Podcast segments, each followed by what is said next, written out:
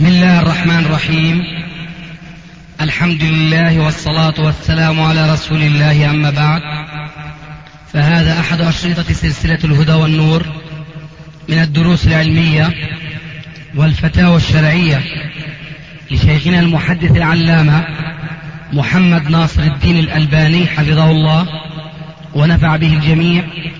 قام بتسجيلها والتأليف بينها محمد بن أحمد أبو ليلى الأثري إخوة الإيمان والآن مع الشريط الثاني والسبعين بعد المئة الرابعة على واحد بسم الله الرحمن الرحيم شيخ جنابكم الفاضل قد وضح في, في يعني في أشرطة كثيرة الأزمة التي يمر بها يعني أزمة الخليج التي سميت ولكننا يعني في بغداد سمعنا أقوالا يعني قد تكون متناقضة يعني أناس يقولون الشيخ يفتي في كذا والشيخ يفتي في كذا وناس آخرين يقولون لا الشيخ قد غير فتواه الأولى وقال آخر شيء كذا بعد أن حصلت ما حصل وانتهى كل شيء فالواقع احنا يعني لا نريد ان نطيل لان عندنا اسئله يعني ان كان ان كان جنابكم يعني يسع لتسعه اسئله وعشره اسئله شيء مختصر وأنا لا أريد أن أثقل يعني الواقع أنا يعني محرج من هذه المسألة لا أريد أن أثقل شيء مختصر ما وصلت إليه الأزمة يعني ما تقولون فيما جرى بشيء مختصر من غير أن أن نثقل نثقل عليكم لأن عندنا يعني على كل حال نحن أجبنا بأجوبة مفصلة عن فتنة الخليج ونزولا عند رغبتك نقول اعتداء آه، العراق على الكويت لا شك أنه مخالفة شرعية صريحة مهما قيل من مسوغات ومبررات من الذين كانوا يتعصبون للعراق ولما فعله العراق من الاعتداء على الكويت تلا هذا الخطأ خطأ آخر وكل من الخطأ الأول والخطأ الآخر الذي سيأتي بيانه سببه مع الأسف الشديد أنه لا يوجد هناك حكومة إسلامية قوية تحكم بما أنزل الله بمعنى هذه الكلمة نتج من وراء هذا الاعتداء العراقي على جاره الكويت خطأ آخر ألا وهو إهمال تطبيق النص القرآني ألا وهو قول عز وجل وإن طائفتان من المؤمنين اقتتلوا فأصلحوا بينهما فإن بغت إحداهما على الأخرى فقاتلوا التي تبغي حتى تفيء إلى أمر الله إذا انطلاقا من هذا النص القرآني الذي لا يأتيه الباطل من بين يديه ولا من خلفه كان يجب على الدول الإسلامية مجتمعة لو كانت حقيقة تريد أن تحكم بما أنزل الله على الأقل في خصوص هذه الآية الكريمة وهذه الفتنة التي ابتدأها النظام العراقي كان الواجب إما محاولة الإصلاح ويقال لأنه كانت هناك محاولات كثيرة من بعض الدول العربية لتحقيق الإصلاح هذا يقال هذا وما ندري بطبيعة الحال ماذا كان يجري كما يقولون من وراء الكواليس لكن الذي لا يمكن لأي إنسان إلا أن يعرفه أن الاعتداء وقع فحينئذ إن كان قد قامت بعض الدول العربية بالواجب الأول المنصوص عليه في أول هذه الآية الكريمة فأصلحوا بينهما ثم لم يفد هذا الإصلاح وعليكم السلام ورحمة الله ثم لم يفد هذا الإصلاح كان عليهم أن يطبقوا الأمر الثاني أهلا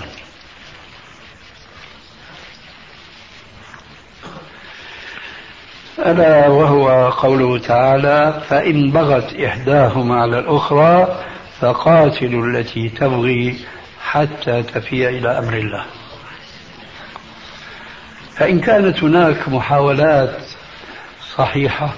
وحقيقية للإصلاح فيقينا لم يطبق الأمر الثاني في الآية وإن لم يكن هناك محاولة الإصلاح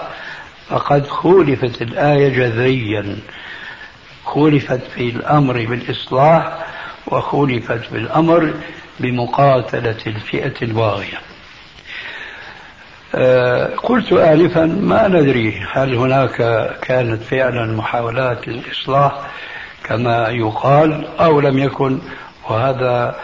ليس يهم الجماهير المسلمين وإنما يهمهم هذا الذي شوهد وصار أمرا مقطوعا به ألا وهو الاعتداء على الكويت فكان الواجب إذا على الدولة الإسلامية التي تعلن أنها تحكم بما أنزل الله من بين الدول الإسلامية الأخرى فكان عليها أن تقاتل الفئة الباغية لكنها تعلم كما نحن نعلم وهذا من عجائب الأمور أن الفرد منا يعلم كما تعلم الدولة أنها لا تستطيع أن تقوم بهذا الواجب مقاتلة الفئة الباغية لماذا؟ لأن هذه الفئة الباغية باعتراف الدولة المضروبة والمعتدى عليها والدول التي كان عليهم أن يدفعوا الظلم عنها كلهم يعلمون أنهم لا يستطيعون أن يدفعوا بغي هذا الباغي لما عرف في تجربته طويلة الأمد مع الشيعة الإيرانيين وأنهم أخيرا تغلبوا عليهم فاعترفت ضمنا الدولة السعودية بأنها لا تستطيع أن ترد آه، اعتداء العراق عن الكويت حيث أن هذا الرد كان واجبا على المسلمين بحكم الآية السابقة فقاتلوا التي تبغي حتى تفيها إلى أمر الله ولكن آه، أقول لكن مع الأسف السلام عليكم وعليكم السلام أن المسلمين أن المسلمين المخاطبين في هذه الآية فقاتلوا التي تبغي هذا الأمر ليس موجها لطائفة من المسلمين أو دولة من المسلمين وإنما هذا الخطاب موجه إلى عامة المسلمين فأقول مع الأسف هؤلاء المسلمين حكومة وشعوبا كما نعلم من واقعنا الإسلامي السيء متفرقون مختلفون أشد الاختلاف ولذلك كانت النتيجة العملية أن الدولة السعودية التي كان الظن بها أن تكون هي التي تبادر إلى تطبيق النص القرآني لم تفعل وعذرها من الناحية المادية واضح جدا أنها لا تستطيع أن تجابه بقوتها القليلة الضعيفة قوة الجيش العراقي القوية إذا ماذا كان يجب عليها؟ كان يجب عليها أن تستعين بالدول الإسلامية الأخرى ولكن هل هذه الدول الإسلامية الأخرى بإمكانها أن تتجاوب مع رغبة الدولة السعودية التي أرادت أولا أن تدفع الشر عن نفسها وعن أراضيها وثانيا أن ترد المعتدي على أعقابه هل هذه الدول الإسلامية تتجاوب مع الدولة السعودية لرد ذلك البغي الجواب مع الأسف ولا يزالون مختلفين إلا من رحم ربك ولذلك أعلنت هي ومن عندهم من العلماء أنه يجب عليهم أن يستعينوا بالكفار لرد ظلم الظالم والباغي على الكويت وعلى ما قد يلي هذا البغي من بغي آخر آه، هنا بدا خطأ آخر وهو الاستعانة بالكفار نحن كنا نقول أولا بأنه لما يعني ظهر للناس أن الأمريكان يريدون أن يقاتلوا العراق كنا نقول للمتحمسين من المسلمين أن يقاتلوا مع العراقيين كنا نقول لهم رويدا وتأنوا لأنكم إن استطعتم أن تقاتلوا مع العراق فقصدكم أن تقاتلوا الأمريكان ولكن سوف تقاتلون إخوانكم المسلمين ذلك لأن الأمريكان ومن معهم من الإفرنسيين والبريطان سوف يقدمون كبش الفداء لهذه المعركة التي ستقع المسلمين يقاتل بعضهم بعضا وهم إذا استعملوا قوة لهم فإنما هي قوة السلاح وهم أشد الناس حرصا على الحياة ولذلك فهم يظنون يظنون بدماء آه، شعبهم ويفدونهم بدماء المسلمين الذين استعانوا بهم لذلك كنا نقول لهؤلاء المتحمسين بلفظ الحديث الصحيح كونوا أحلاس بيوتكم لأن هذه الفتنة التي آه، بدأت تذر قرنها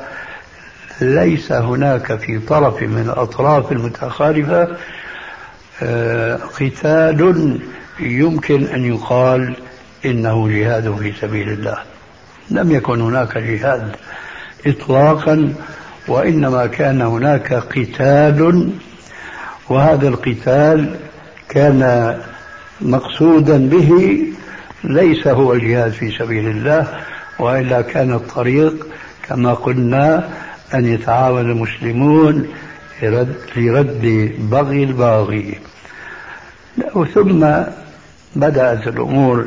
تتفاقم وتتجلى وفعلا هجم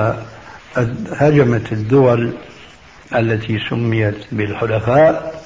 على العراق هنا بدا لي أنه من الواجب على من بقي من الدول الإسلامية أن يكونوا مساعدين للعراق على قتال الحلفاء ولكن لم يتحرك منهم إلا الأفراد من الشعوب فكنت أنصح أيضا هؤلاء الأفراد أن لا يتقدموا للذهاب إلى العراق لأن ذهابهم سوف لا يتحقق منه نصر لرد الكفار الحلفاء على أعقابهم لأن هذه حماسات قائمة على الأفراد وليس هناك جيش نظامي فهذا كان موقفنا أولا كونوا أحلاس بيوتكم ثم لما وقعت الواقعة ورأينا أن الحلفاء سيقضون على الجيش العراقي والشعب العراقي قلنا يجب على الدول الإسلامية الباقية أن يكونوا عونا للعراق ولكن كما تعلمون حتى هذه الدول الباقية لا تزال تمشي في ركاب الأمريكان هذا رأيي فيما وقع ولعلي أجبتك عن ما سألته ولو كان سؤالك موجدا وقد يكون هناك شيء فاتني فتذكرني إن شاء الله وإياك الحمد لله يا شيخ اللي قد أوفيت الموضوع نحن والله بس أردنا ما, ما يعني ما استجد من أمور فوضحته أه، آه، الشيخ الكريم آه، مسألة عندنا بالعراق يعني يجري اتفاق بين بين المواطن وبين الدولة على بيع سلع مخصوصة بسعر محدد ثم يعني على عهد على أن يبيعها بهذا السعر ثم يريد المواطن الزيادة على البيع المقرر فهل في ذلك إثم؟ هذا يعني ليس أمر جديد بالنسبة النظم القائمة اليوم أظنكم تعلمون جميعا أن الأصل في بيع الحاجات أنه لا يجوز التسعير فيه كما جاء في الحديث الصحيح لما طلبوا منه عليه الصلاة والسلام التسعير قال المسعر الله وعلى هذا جرى العالم الإسلامي كله طيلة القرون الماضية ثم ظهر نظام التسعير الإجباري بسبب النظام آه، القائم في بلاد الكفر ولعل هذا بسبب أنه كان هناك شيء من الإجحاف بالنسبة للذين يشترون الحوائج وليس هناك وازع شخصي لأنهم كفار فكان القانون الوضعي يوجب عليهم فعلا أن يفرض على الشعب التسعير فجرى أو جرت الدول الإسلامية إثما على هذا النظام الأوروبي فسلكوا سبيل تسعير كثير من الحاجيات الفقه الإسلامي آه، يفرق فيقول الأصل عدم فرض التسعير على الشعب إلا في ظروف معينة أي إذا كانت هناك ظروف طارئة توجب على الحاكم المسلم أن يراعي فيها مصلحة المسلمين فحينئذ الحاكم المسلم آه، له أن يفرض نظام التسعير على الحاجيات الضرورية لكن أين هذا النظام الإسلامي في هذه الحكومات مثلا القائمة اليوم على الأسف الشديد الآن هذا النظام عندكم هل هو طارئ أم كان من قبل؟ فإن كان موجودا من قبل كما هو موجود في كثير من البلاد حين ذاك الجواب ينبغي أن ينطلق من القاعدة السابقة الأصل عدم التسعير إلا لظروف طارئة فإن فرض أن الذين وضعوا هذه التسعيرة راعوا في ذلك مصلحة الشعب فيجب نحن أن نلتزم التسعير مراعاة للمصلحة وليس تمسكا بالنظام والقانون الحاكم أما إذا كانت المصلحة على خلاف ذلك فبدهي جدا أنه آه، لا يجب التزام هذا التسعير وأنه بالتالي يجوز مخالفته وخلاصة الكلام أنا لا أستطيع أن أقول يجوز أو لا يجوز لأني لست ملما بالباعث على هذا التسعير ولكني أعلق القول بالجواز أو بعدم الجواز على تحقق مصلحة التسعير أو لا فإن كانت المصلحة تتحقق بالتسعير وجب التزامه وإلا فلا نعم شيخ الفاضل آه، تباع السلع بسعرين يعني عندنا نظام انه يعني تباع السلع بسعر يعني السلع بسعرين احدهما نقدا والاخر بالفقر هذا بلاء يشمل العالم الاسلامي مع الاسف في العصر الحاضر ومع انه نظام لم يكن معروفا تعاطيه في قديم الزمان وفي بلاد الإسلام فمع الأسف يوجد هناك بعض الأقوال لبعض المذاهب المتبعة اليوم تجيز بيع السلعة الواحدة بثمنين ثمن النقد وثمن الأجل حتى إن بعضهم يقول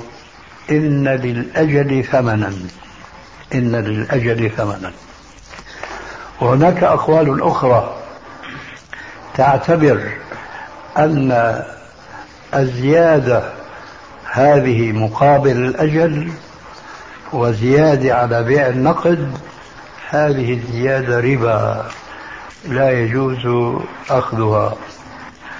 وأنا من سنين طويلة وطويلة جدا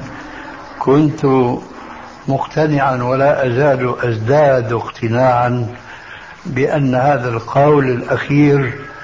ألا وهو أن الزيادة مقابل التقسيط ربا هو ربا عين حقيقة لسببين اثنين السبب الأول النص من قوله صلى الله عليه وآله وسلم اسحب الفيش من هون النص من النبي صلى الله عليه وآله وسلم على أن هذه الزيادة هي ربا وهناك أحاديث من أشهرها حديثان اثنان ويلاحظ الباحث والمتفقه فيهما أن أنهما يلتقيان في تحريم الزيادة ويفترقان في الإفادة من من جانب آخر حيث أن كل من الحديثين بعد التقاء ما في التحريم يعطيان فائدة الحديث الأول هو حديث أبي هريرة رضي الله تعالى عنه قال قال رسول الله صلى الله عليه وآله وسلم من باع بيعتين في بيعة فله أوكسهما أو الربا من باع بيعتين في بيعة فله أنقصهما ثمنا أو زيادة ربا فهذا الحديث يصرح بشيء لا يصرح به الحديث التالي ألا وهو أن البيوع المنهي عنها شرعا النهي عنها يفيد البطلان البيع أما هذا الحديث بالرغم عن أنه ينهى عن بيعتين في بيعة فهو يسلك البيعة التي وقع فيها هذا الشرط ولكنه يعتبر الشرط لاغيا والبيع صحيحا ذلك قوله فله أوكسهما أو ربا هذه الحاجة نقدا بمئة وتقسيطا بمئة وعشر مثلا البيع صحيح لكن الشرط باطل العشر هذه زيادة هي ربا فإن أخذ البائع المئة فهي حقه وحلاله وإن أخذ مئة وعشر فالزيادة هذه هي العشر هي ربا إذا الحديث هذا أفادنا فائدتين صحة البيع وبطلان الزيادة نأتي إلى الحديث الثاني فهو سيلتقي مع الحديث الأول في وصف البيعة بيعتين في بيعة ولكنه يظل عند النهي الذي الأصل فيه إبطال البيع ذلك هو حديث عبد الله بن مسعود رضي الله تعالى عنه قال نهى رسول الله صلى الله عليه واله وسلم عن بيعتين في بيعه وفي لفظ عن صفقتين في صفقة إلى هنا الحديث يلتقي مع الحديث الأول ينهى عن بيعتين في بيعة وذاك يقول من باع بيعتين في بيعة فله أو كسهما أو ربا الفائدة التي جاءت في هذا الحديث أن راويه وهو سماك ابن حرب سئل ما بيعتين في بيعة قال أن تقول وهنا الفائدة أبيعك هذا بكذا نقدا وبكذا وكذا نسيئة وهذا هو بيع التقسيط أبيعك هذا بكذا نقدا بمئة وتقسيطا بمئة وعشر هذا هو بيعتين في بيعة لا يخفى على أحد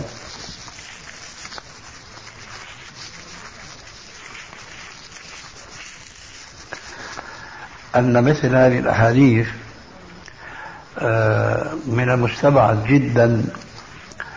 ألا تصل بعض أولئك الأئمة أما أن يستبعد أن لا تصل إلى الجميع فهذا غير مستبعد فكثير من الأئمة فاتتهم أحاديث كثيرة جدا وذلك يعود إلى سبب من سببين اثنين إما ألا تطرق هذه الأحاديث أسماعهم مطلقا أو أنها طرقت أسماعهم ولكن بأسانيد لم تصح عندهم ولذلك أعرضوا عن العمل بها فهم على كل حال سواء كانوا على الاحتمال الأول أو الآخر فهم معذورون بعض هؤلاء الذين وصلت إليهم هذه الأحاديث وأكثرهم من المقلدين المتبعين للأئمة المجتهدين لما وقفوا على هذه الأحاديث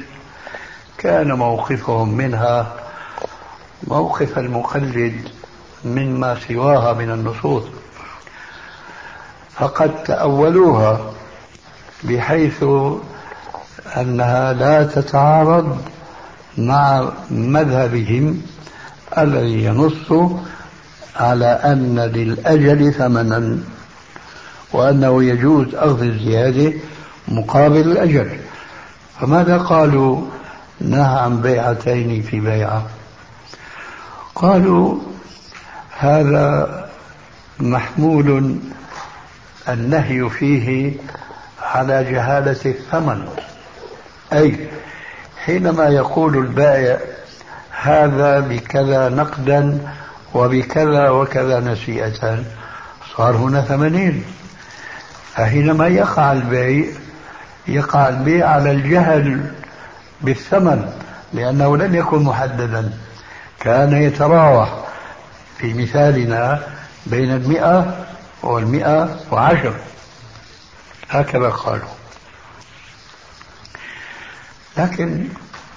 الحديث يعطينا نصا أن علة هذا النهي في هذا الحديث أو في الحديث الآخر ليس هو الجهالة بالثمن وإنما هو الربا لأنه قال فله أوكسهما أو ربا بناء على ذاك التأويل جاءوا بصورة هي ألصق ما تكون بما يسمى عند بعض الفقهاء بالحيل الشرعية يقول إذا جاءك الشاري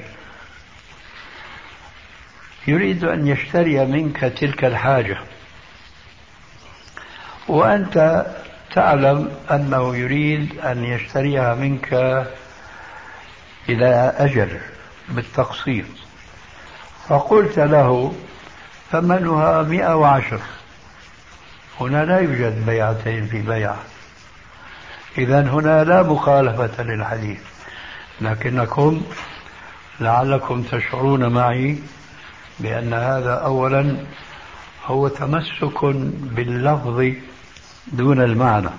حقيقة هنا لم يقع بيعتين في بيعة لأنه ما عرض سعر النقد وسعر التقسيط وإنما عرض سعرا واحدا هو سعر التقسيط فهنا زال الغرر في رأيهم وبالتالي صح البيع أما إذا قلت نقدا بمئة وتقسيطا أو إلى أجل بمئة عشر هنا جهالة في الثمن فما دام أن الجهالة انتفت أي انتفت العلة فانتفى المعلول وهو النهي عن هذه البيعة عرفنا أن هذا بني على علة جاءوا بها من عند أنفسهم أولا وثانيا أن هذه العلة ليست منصوصة ثانيا بل النص يخالفها تماما حيث جعل زيادة ربا ولم يجعل سبب النهي هو الجهالة التي تستلزم عند المتمسكين بهذه العلة تستلزم بطلان البيع وقد ذكرنا لكم آنفا أن الحديث يفيد جواز البيع ثم يعطينا العلة بأنها العلة هي الربا فجاءوا بهذه الشكلية والآن تتجلى لكم هذه الشكلية لو جاء رجل يريد أن يشتري هذه الحاجة ويعلم منه بأنه يريد أن يشتريها منه نقدا فسيبيعها له بمئة إذا هو لماذا باع بسعرين البيعة الأولى بزيادة عشر في مثالنا في البيعة الأخرى بنقص عشر قال لأنه ما في هنا بيعتين في بيعة أي العرض الصورة والشكل اختلف لكن هل في الإسلام مثل هذا التمسك بالشكليات الشكليات كما أظن تعلمون معي جميعا الإسلام لا يقيم لها وزنا ومن أبرز الأمثلة في ذلك نكاح التحليل نصا والذي يسمى في بعض البلاد بالتجحيشة نكاح التحليل شروط النكاح المعروفة شرعا قائمة ذلك مثلا معروف من قوله عليه السلام لا نكاح إلا بولي وشاهدي عدل فتلك المرأة التي طلقها طلقها زوجها ثلاثا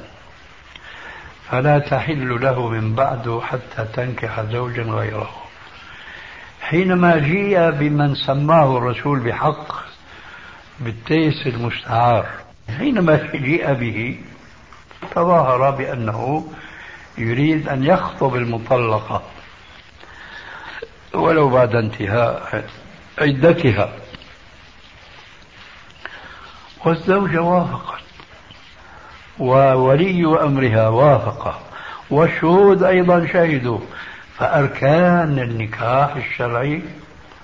تجمعت وتوفرت فهل اعتبر الشاعر الحكيم هذا النكاح صحيحا أم اعتبره باطلا لا شك حيث قال عليه السلام لعن الله المحلل والمحلل له فكلاهما ملعون ولذلك كل من بلغ هذا الحديث من الأئمة وعلى رأسهم الإمام أحمد رحمه الله حكم ببطلان هذا النكاح فإذا هنا يأتي قول عليه السلام إنما الأعمال بالنيات فهذا النكاح الذي قام على الشروط المعروفة شرعا ماذا كان القصد من ورائه تحليل ما حرم الله وعلى ذلك أمثلة كثيرة ولا نطيل في ذلك فأنتم تعلمون آه، قصة اليهود وصيدهم يوم السبت بطريقة الاحتيال وهذا مذكور في القرآن الكريم وهناك حديث قد يخفى على البعض يقول عليه الصلاة والسلام لعن الله اليهود حرمت عليهم الشحوم فجملوها ثم باعوها وأكلوا أثمانها وإن الله إذا حرم أكل شيء حرم ثمنه والشاهد قوله عليه السلام جملوها أي أخذوا الشحوم المحرمة باعتقادهم الحق هذه الشعوب محرمة وهذا منصوص في القرآن الكريم فبظلم من الذين هادوا حرمنا عليهم طيبات أحلت لهم نص في آية أخرى الشحوم والحوايا ونحو ذلك فهم يعتقدون بأن آه، أكل هذه الشحوم لا يجوز فماذا فعلوا؟ أخذوها وألقوها في القدور وأوقدوا النار من تحتها فأخذت شكلا آخر هذا الشكل زين لهم الشيطان أن الحكم اختلف التحريم زال لأن هذا لم يبقى ذلك الشهم الذي حرمه الله في القرآن الكريم فلعنهم الرسول بالنص الصحيح لعن الله اليهود حرمت عليهم الشحوم فجملوها أي ذوبوها ثم باعوها وأكلوا أثمانها وإن الله إذا حرم أكل شيء حرم ثمنه الرسول صلى الله عليه وسلم يحكم على هذه الزيادة مقابل الأجل بأنها ربا فالقول الآن بأن العلة هو الجهالة باطل لأن الحديث يجعل العلة ربوية آه، وبعضهم يقول بأن البيعتين هنا لم تتحقق فإذا خلصنا من مخالفة الحديث خلصنا من مخالفة الحديث شكلا لكن العلة وهي العلة الربوية موجودة لا تزال قائمة ولو في صورة بيعة واحدة هذا من حيث النص ناتي الان من حيث التفقه في عموم تعامل المسلمين بعضهم مع بعض تعامل المسلمين الاغنياء مع الفقراء تعامل المسلمين الاغنياء مع متوسطين حالهم من المسلمين هل هذا التعامل في أخذ زيادة مقابل الصبر على الأخ المسلم في الوفاء هذا يتجاوب مع الخلق الإسلامي والأخلاق الإسلامية الجواب لا المسلم وجد في هذه الحياة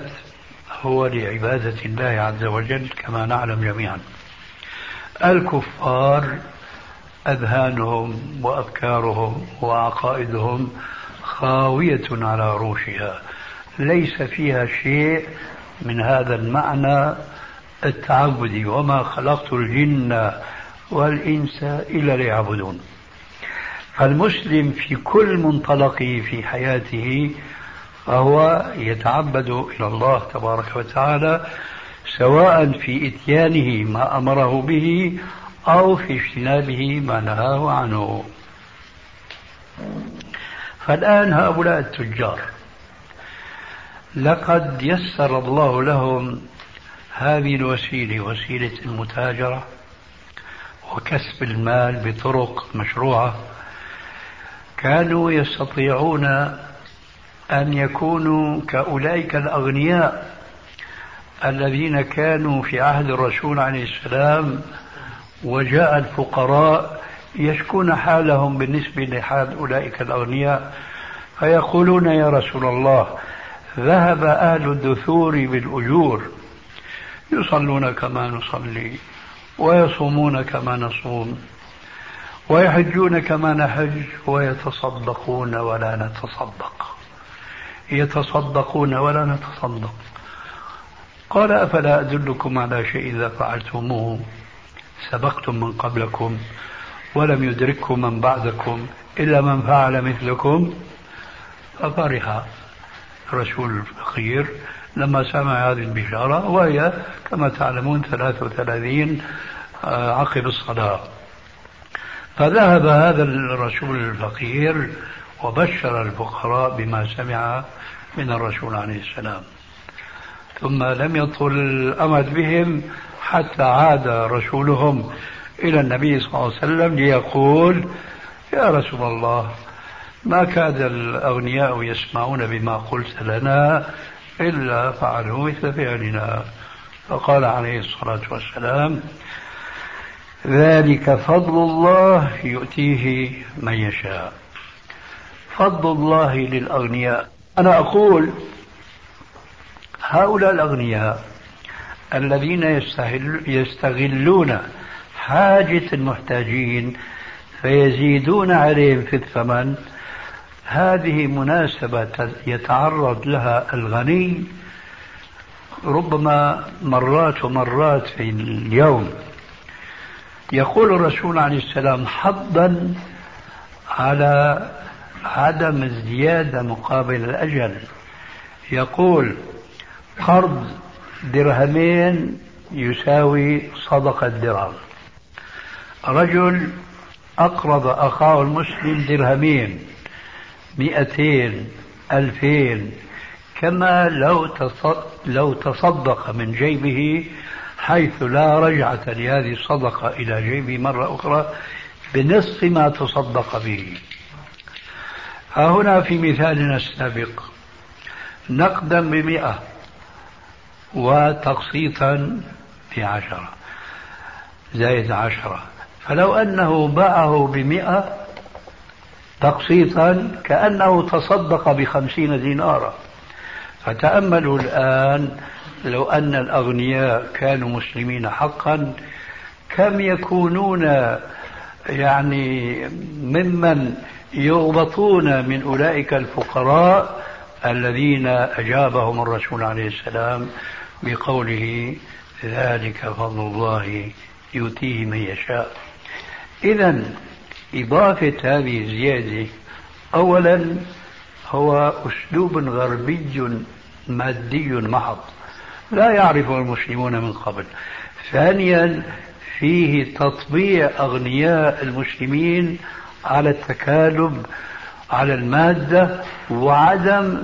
التطوع بإعانة الأخ المسلم ولو قرضا علما بأنه يربح نصف ما لو كان يعني أقرض المسلم فيعتبر نصف ما أقرضه صدقة لوجه الله تبارك وتعالى لهذا كله نحن نعتقد أن التاجر المسلم لا يجوز أبدا أن يأخذ زيادة مقابل التقسيط وأنا أعتقد أن المسلمين لو سلكوا هذا السبيل القويم لكان رضاء الله عز وجل يحفهم من كل جانب ولكن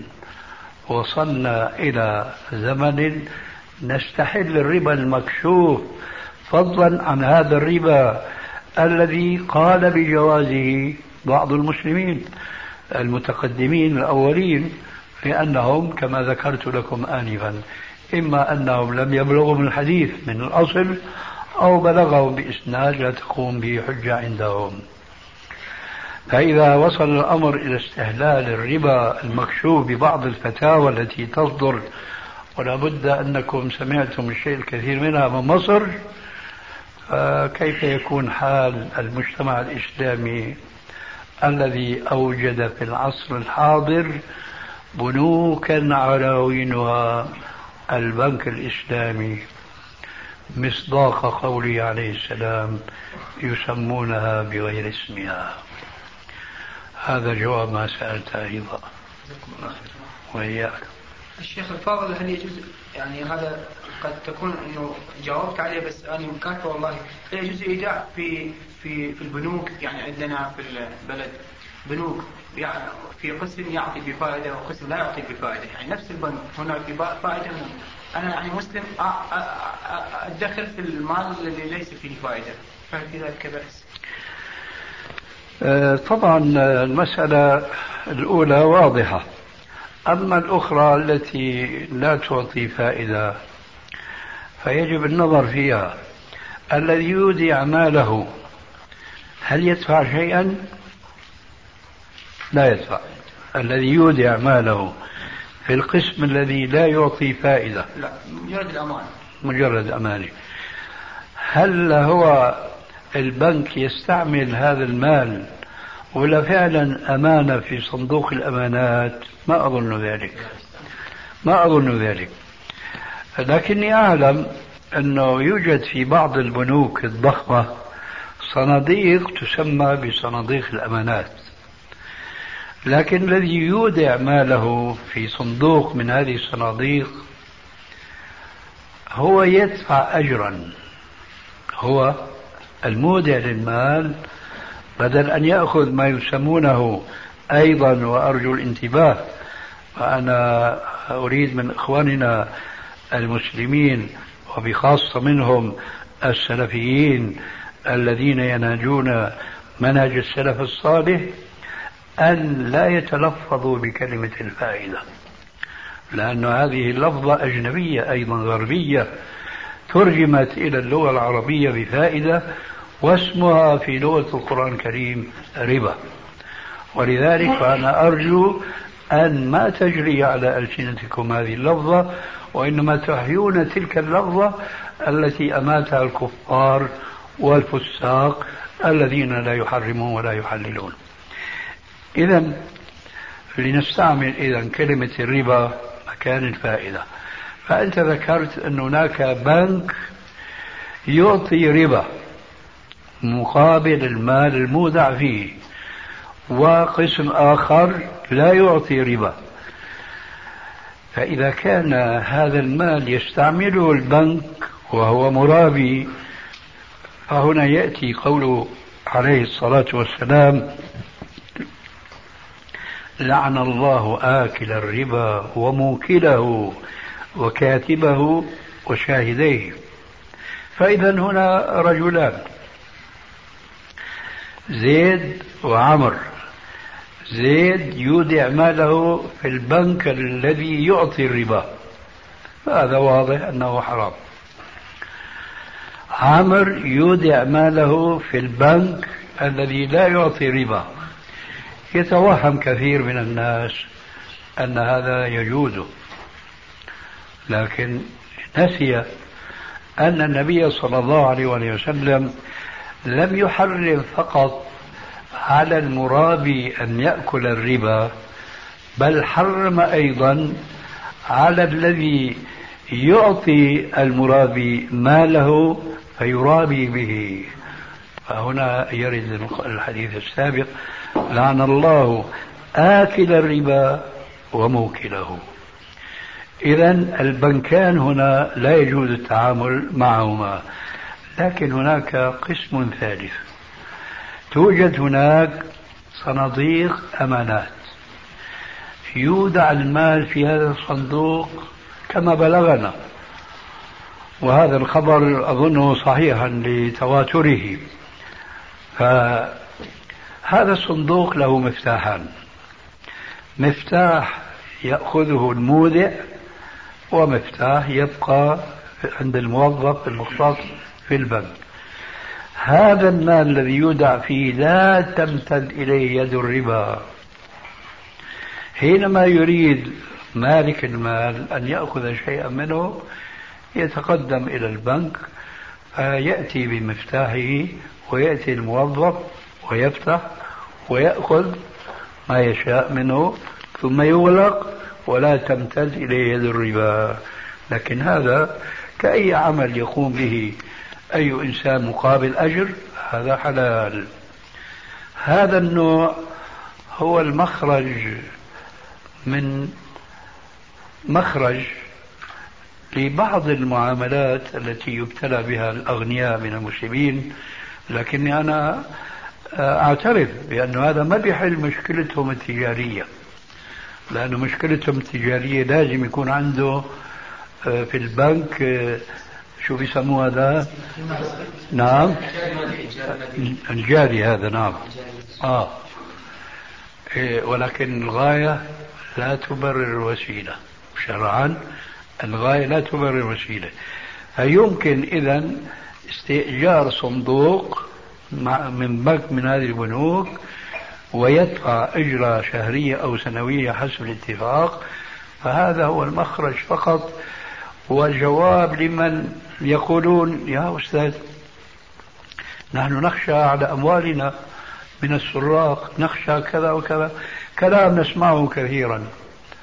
والجواب أولا بالنسبة للمؤمن ومن يتق الله يجعل له مخرجا ويرزقه من حيث لا يحتسب ثانيا ربنا لا ينهى عباده عن أن يتخذ أسباب الوقاية مهما كانت هذه آه، الوقايات أنواعها إذا كانت هذه الأسباب مشروعة وهذا هو السبب المشروع وهو استئجار صندوق من البنك لإيداع المال الذي يخشى الغني عليه من أن يسطو عليه اللصوص إذا آه، هذا هو جواب لما سألت أخيرا جزاك الله خيرا الشيخ الفاضل هل تجوز الرشوة لإخراج حق مختصر هل تجوز الرشوة لإخراج حق مختصر أو لا يعطى الحق الحقيقة هذه المسألة لها صور فيجب أن تحدد السؤال لأنني أعتقد أنه لا يجوز في أكثر الأحيان ما هو المال المغتصب مثلا في كلامك صورة يعني صورة رجل عنده حق مثلا في دائرة حق في دائرة ما يطلع الموظف على ما تعطيه فلوس ما يطلع أو يطلع الموظف ويظلمك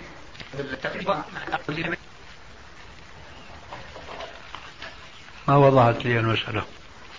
يعني هذا الموظف له مال في الدولة لا أنا أنا عندي مسألة أنا عندي حق آه. في دائرة في في, في الدولة يعني. لك مال يعني ولا إيش؟ أه، في الجمارك في الجمارك ما تطلع البضاعة إلا تعطيه رشوة حتى يخرجها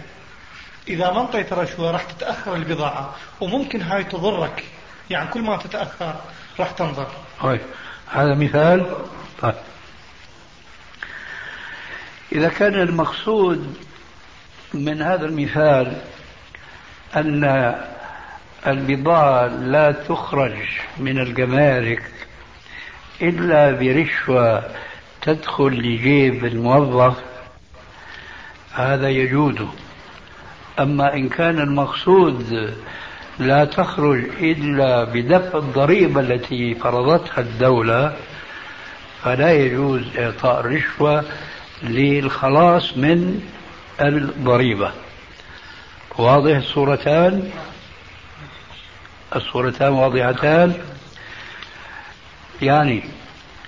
لا نستطيع نحن الآن وبخاصة بالنسبة لهذه القوانين القائمة في هذا الزمان لا نستطيع نحن أن نطور القوانين الوضعية آه، دفعة واحدة وكل واحد منا حسب رأيه واجتهاده هذا لا يمكن أبدا لأن قسما من هذه القوانين لا يمكن لعالم فقيه إلا أن يعترف بصلاحها للأمة قسما منها وفي الوقت نفسه لابد من أن يعترف أن هناك ضرائب لا ينبغي أن تشرع ولكن من الذي يستطيع أن يميز هذه من هذه عامة الناس عامة المكلفين لا إذا فيما يتعلق مثلا بالجمارك والضرائب التي تهرب إذا كان هناك نظام عام مفروض على كل الناس الذين يدخلون ببضاعة ما أن يفرض على هؤلاء الناس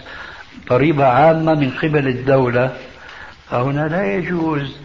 أن يدفع المسلم لأحد الموظفين من أجل أن يخالف النظام الذي تبنته الدولة لكي هو يرتاح من هذه الضريبة لأنه هنا حيترتب أمران اثنان الأمر الأول ما أشرت إليه آنفا أنه يا أخي أنت شو دراك أنه هذه الضريبة ظلم يجوز أن يكون عدل فما يجوز أن نفتح الباب لكل فرد من أفراد المسلمين أن يتحكموا في القوانين حسب آرائهم إن لم نقل حسب أهوائهم الشيء الثاني أنك بدفعك الرشوة لهذا الموظف عودته على أن يخون وظيفته ثم الوظيفة هذه تارة لا يكون فيها ظلم إجماعا أنا أضرب لكم مثلا سهلا سمحا مثلا آه، رجل يريد أن يقدم طلبا في أمر ما ووجد عنده أمامه عشرات الأشخاص فهو يرشي الموظف ليقدمه على الآخرين هذه الرشوة مقصوبه أنها محرمة وأن تجاوزه هو نظام الترتيب الذي يأمر به الإسلام يعني كما يقال في حديث معناه صحيح ومبناه غير صحيح من سبق إلى مباح فهو له فأنت تصور أنك كنت الأول ليقدم طلبك فجاء العاشر وبطريقة ملتوية مخالفة لنظام الشرع صار هو الأول أيرضيك ذلك؟ طبعا لا والرسول عليه السلام يقول لا يؤمن أحدكم حتى يحب لأخيه ما يحب لنفسه فإعطاء هذا المسلم الرشوة لذاك الموظف لكي يقدم معاملته على معاملة السابقين له هذه رشوة محرمة بلا شك لا يجوز للراشي أن يقدمها للمرتشي كما أنه يجو لا يجوز للمرتشي أن يأخذها ففتح باب الرشوة في مخالفة القانون القائم والماشي على الناس جميعا فيه مفسدة أخرى وهي تعويد الموظفين على قبض الرشوة وهنا نقع في مخالفة قوله تبارك وتعالى